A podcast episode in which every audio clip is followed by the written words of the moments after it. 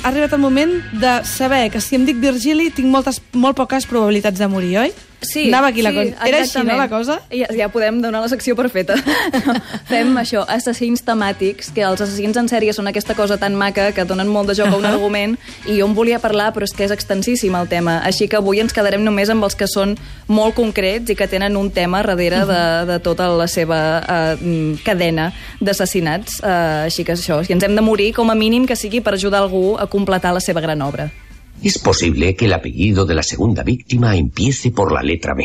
Eso ya sería algo. Claro que es solo una posibilidad. Me ha venido a la mente al acordarme de la firma ABC de la primera carta y del apellido de la infortunada víctima de Andover. O sea que si fue la señora Asher en Andover, ahora sería alguien que empezara por B en Beshill. Uy, Es posible, sí.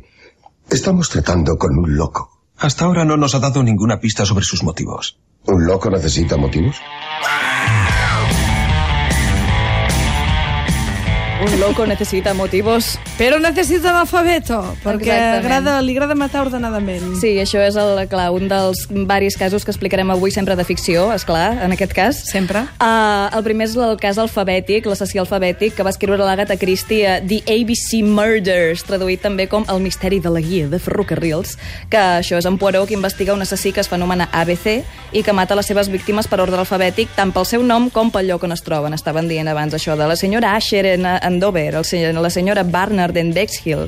I el més interessant de tot, del cas, és que el culpable només vol matar la persona C, i els altres dos són per despistar. Què me'n dius d'això?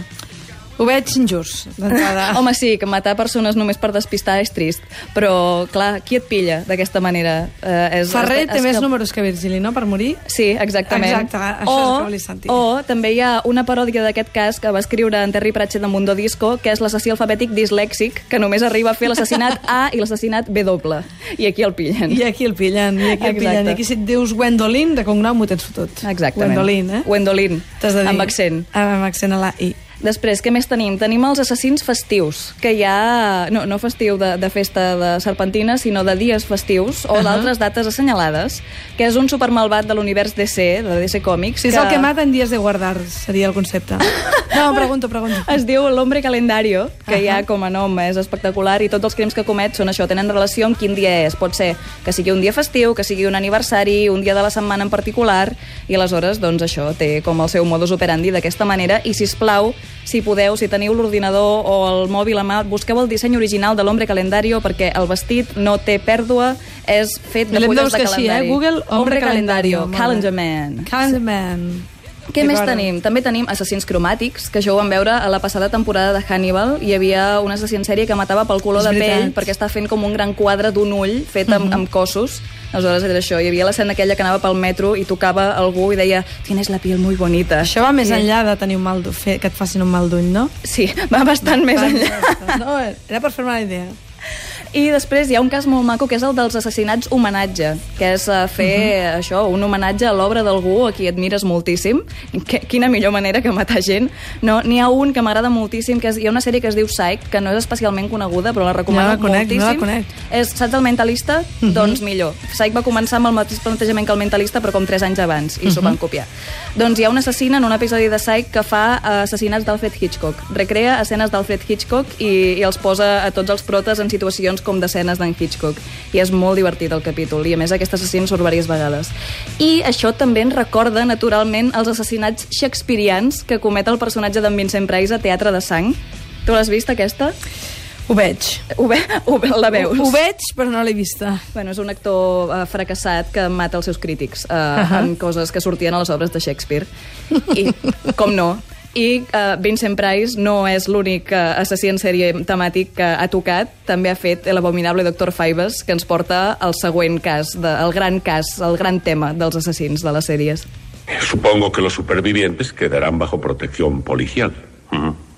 Aunque solo Dios sabe de qué los protegerán. Del Génesis, señor. ¿Sabe a qué me refiero?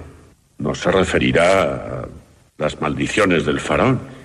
Así es, señor. Alguien recurre a esas antiguas maldiciones bíblicas para matar a todos los que intervinieron en aquella operación. Per cert, que tenim una dona que es confessa assassina a Twitter. Es confe... Però Arresteu-la. diu que ella va de camí de convertir-se en l'assassina del Facebook, la qual és sumament incomprensible. Vol dir que matarà el Facebook i no hi, no hi anirà més? O anar per eh, les amistats, no? Per l'ordre que vulguis, potser alfabètic, també. Mm-hmm. I, I això, encara que la teva amiga es digui Alicia, però si es diu Wendolin, has d'anar cap al final. Escolta'm una cosa, Anna Digue'm. Ferrer. Sí. Aquesta setmana, això m'agrada molt, i trobo que podríem fer la setmana que ve, podríem continuar una miqueta amb tot això de, de matar doncs, per dif diferents virtuts, plaers, etc. Eh, Uh, vale, abecedaris... Deixo els assassinats bíblics per la setmana que ve. Deixem una exclusiva Home, d'assassinats jo bíblics. crec que s'ho mereixen. Vale, doncs eh, passem del tema bíblic per la setmana que ve. La setmana que ve, ja ho sabeu, l'Anna Ferrer ens matarà bíblicament. Per Jonàs o per qui exactament ho farà? Els faraons. Jo, jo sempre Exacte. vaig pels faraons. Ella, sí, vol ser la Nefertiti d'aquest programa. Moltíssimes gràcies. Una setmana que ve. Adéu. Merci.